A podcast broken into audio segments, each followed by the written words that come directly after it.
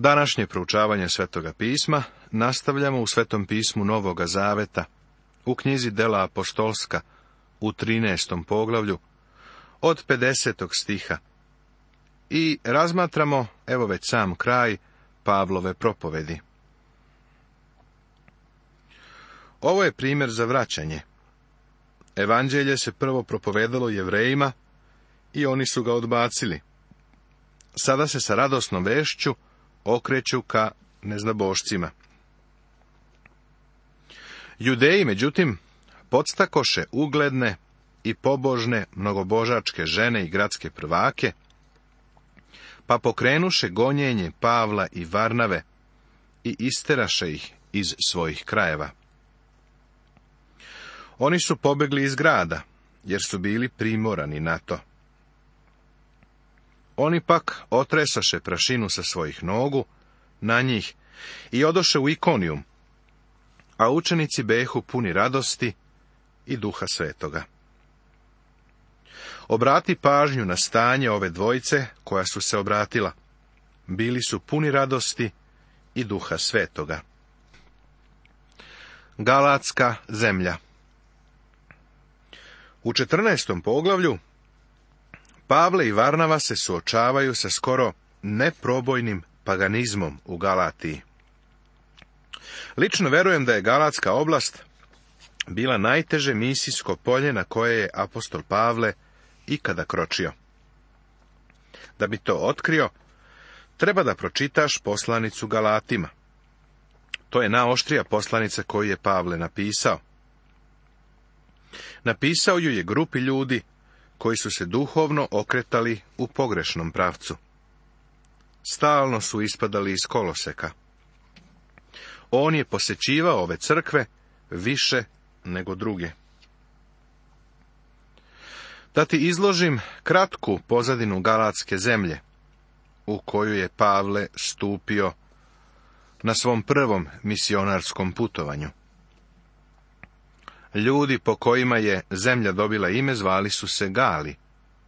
Keltsko pleme istog porekla, kao ona grupa koja je posle naselila Francusku. U četvrtom veku pre naše ere napravili su invaziju na Rimsko carstvo i opustošili su Rim.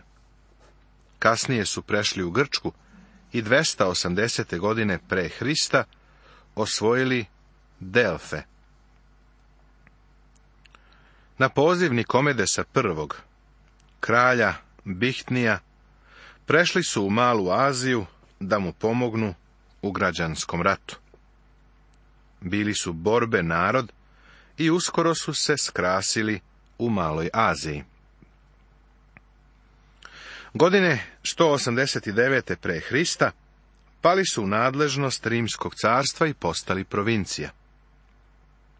Njihove granice su se menjale, ali su mnoge godine očuvali svoje običaje i jezik.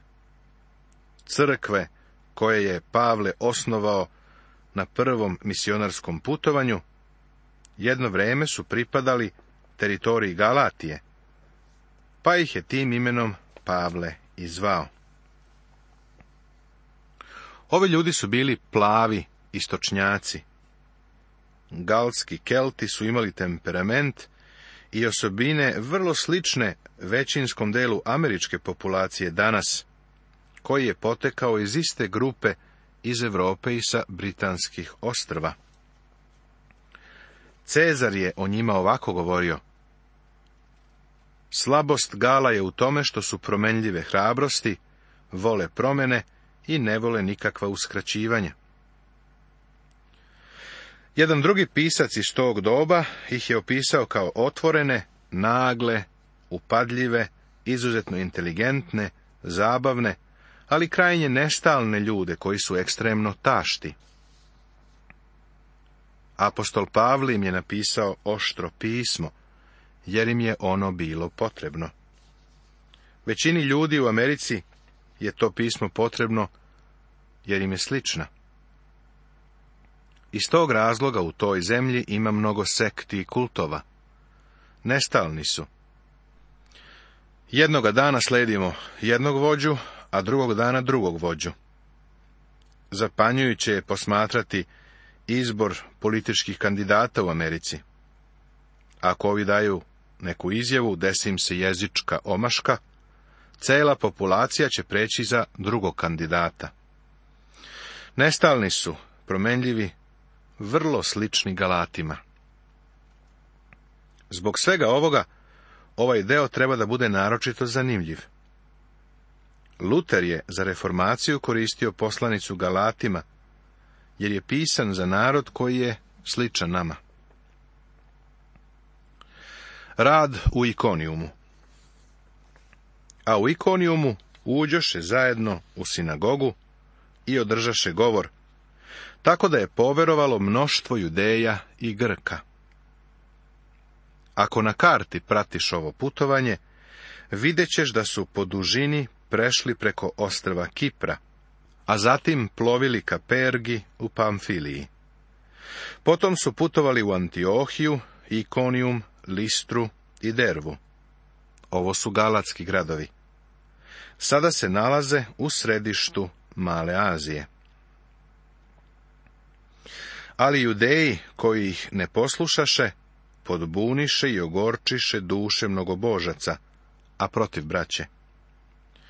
Oni pak provedoše onde dosta vremena, propovedajući slobodno sa pouzdanjem u gospoda, koji je svedočio za reč svoje blagodati i omogućavao da njihove ruke čine znake i čuda.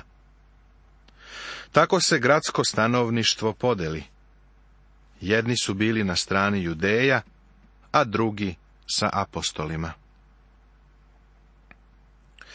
Pavle i Varnava su izazvali znatnu podelu u gradu.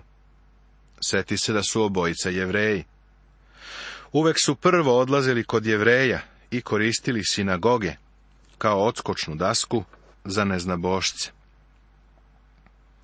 Ali kad mnogo bošci i judeji sa svojim starešinama navališe da ih zlostave i pobiju kamenjem, oni to doznaše, te pobegoše u likaonske gradove, listru i dervu i njihovu okolinu, pa onde propovedahu evanđelje.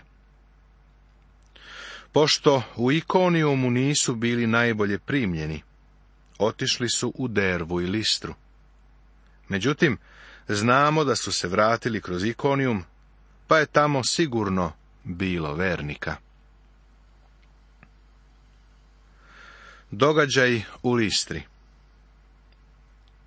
U Listri je sedeo jedan čovek, nemoćan u nogama, hrom od majčine utrobe, koji nije nikad prohodao. On ču Pavla kada je govorio. Kad Pavle pogleda na njega i vide da ima veru u spasenje, reče snažnim glasom, uspravi se na svoje noge. I skoči, te hodaše naokolo. Kao što smo vidjeli, apostoli su imali apostolske darove, darove znaka i čudesa. Na ova mesta su dolazili bez novog zaveta, sa porukom evanđelja. Na osnovu čega bi im se verovalo? Kako su mogli dokazati da je njihova poruka bila od Boga? Dar čuda i znaka je bio njihov kreditiv. Taj dar im je bio potreban. Danas imamo Bibliju u celini i ono što nam Biblija govori. Kada bismo samo mogli da privolimo ljude da to i čine. Neki dan sam igrao golf sa vrlo prijatnim, dragim i srdačnim čovekom. Nije spasen, i vrlo iskreno mi je rekao da tumara. Jedan naš zajednički prijatelj me je zamolio da odigram partiju sa njim. Pokušao sam da mu govorim o evanđelju. On je činjenice evanđelja poznavao isto koliko i ja. I znaš šta još? Verovao je u njih. Rekao je da veruje da je Isus umro i vaskrsnuo i da veruje da ako se pouzda u Isusa, Isus će ga spasti. Onda sam ga upitao, zašto to ne uradi?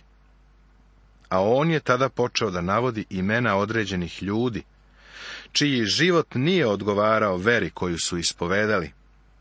Onda sam mu rekao, čoveče, ne gledaj ljude.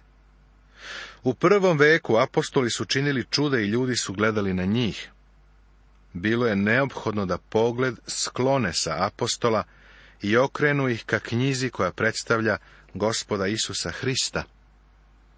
Treba da gledaš Božju reč i saznaješ šta Bog danas govori. On nam kaže da je za nas važan lični odnos sa Bogom, kroz Isusa Hrista.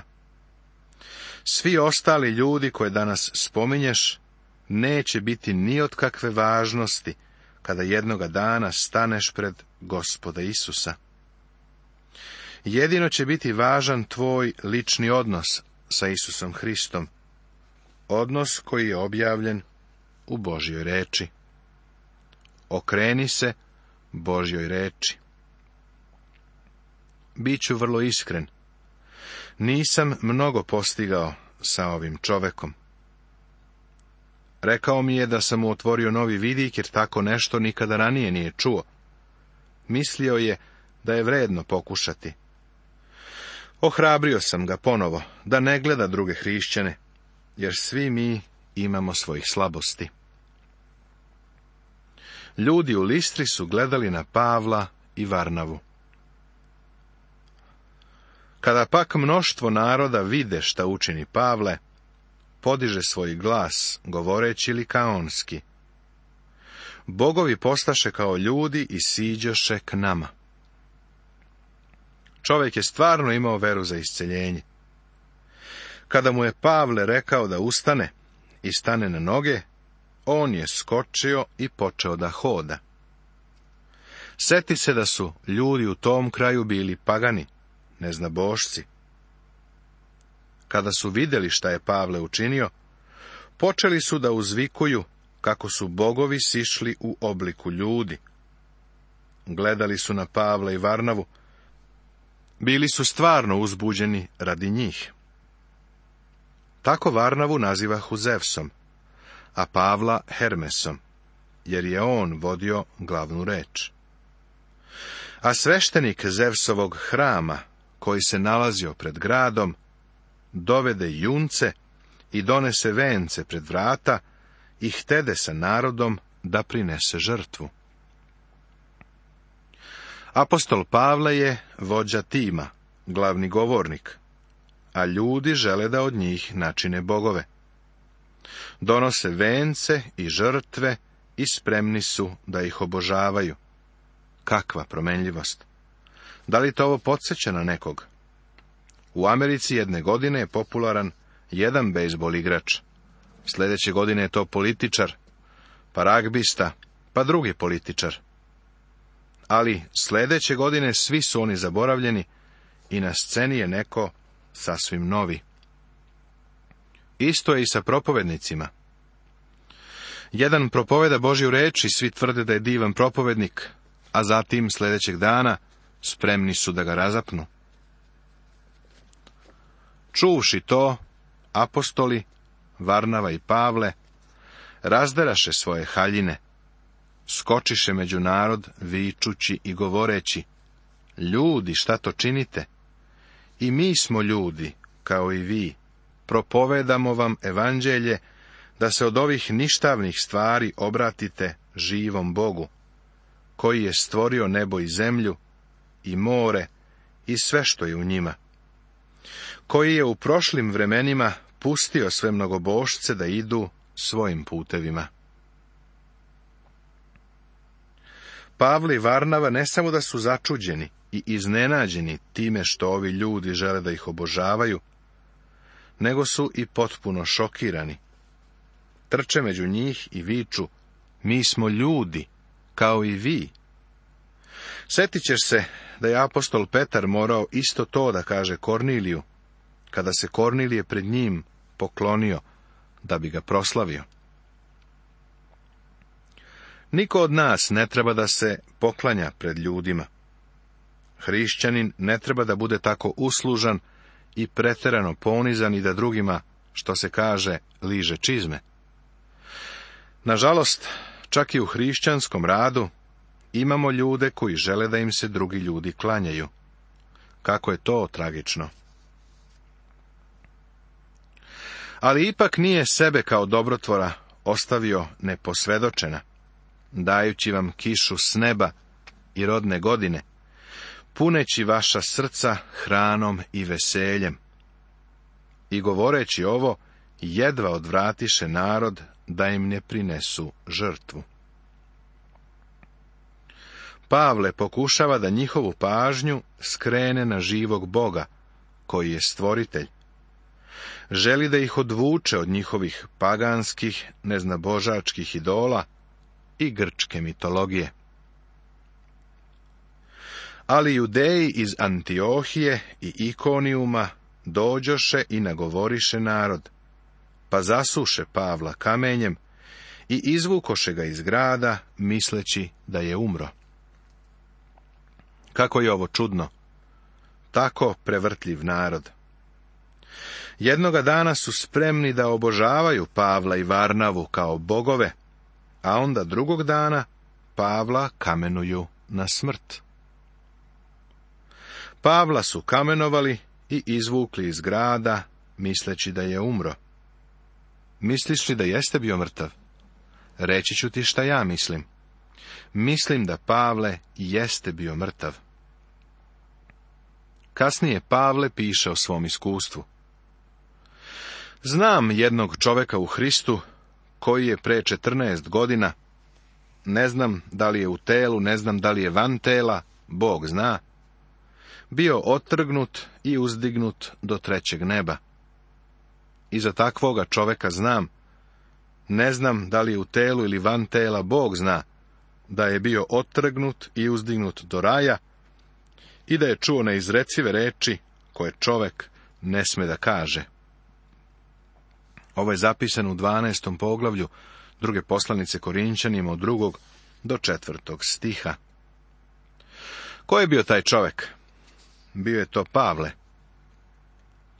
A na neizmerna otkrivenja, da se ne bih poneo, dat mi je trnu telu, satani anđeo, da me čuška, da se ne ponosim. Ovo je sljedeći stih sedmi u 12. poglavlju druge poslanice Korinčanima. Ja ne verujem da ga je gomila tamo ostavila polu mrtvog. Mislim da su ga ostavili mrtvog. Verujem da ga je Bog podigao iz mrtvih. Zašto je Bog dozvolio ovo kamenovanje? U poslanici Galatima u šestom poglavlju u sedmom stihu nam kaže Ne varajte se, Bog se ne da ismejavati, jer što čovek seje, ono će i žnjeti. Pavle je požnjeo ono što je sejao. Naredio je Stefanovo kamenovanje. Možda se neko neće sa ovim složiti, jer u to vreme Savle nije bio obraćen. Tačno, ali čak i nakon obraćenja žanjemo ono što smo posejali. Ovo je zakon prirode, baš kao i zakon koji deluje u našem životu. Požnjećemo sve što posejemo. A pošto je Savle učestvovao u Stefanovom kamenovanju, posle izvesnog broja godina, isto se to desilo i njemu. Međutim, kada su se učenici okupili oko njega, on usta, te uđe u grad. Sutradan pak sa Varnavom ode u dervu. Ovo je čudesno. Čovjek koji je bio kamenovan, trebalo bi da je ozbiljno povređen. Pavle je ustao i sljedećeg dana je opet mogao da putuje. Ovo je čudo bez obzira na to da li jeste ili nije podignut iz mrtvih.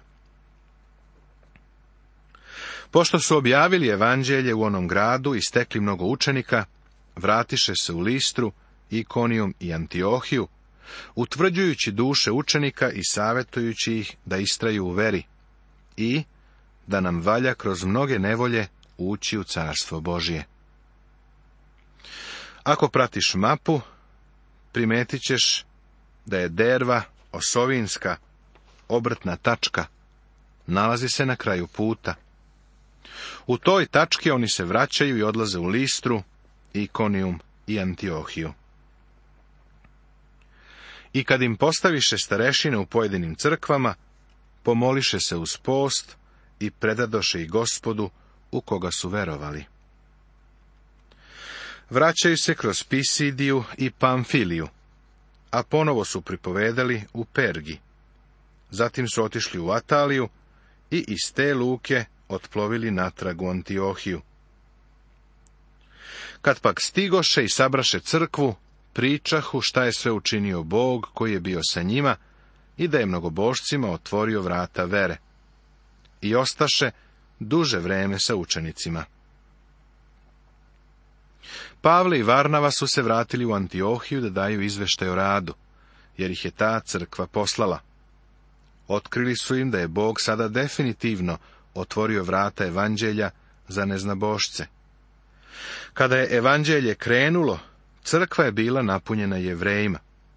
Zatim je delimično postala i neznabožačka. Sada evanđelje odlazi neznabošcima. Crkve u Maloj Aziji sada su sačinjene u potpunosti od neznabožaca. Iako je u tim crkvama bio i poneki jevrejn. Izgleda da su na većini mesta jevreji odbacivali evanđelje, a neznabošci su ga prihvatali. Nastavit će se.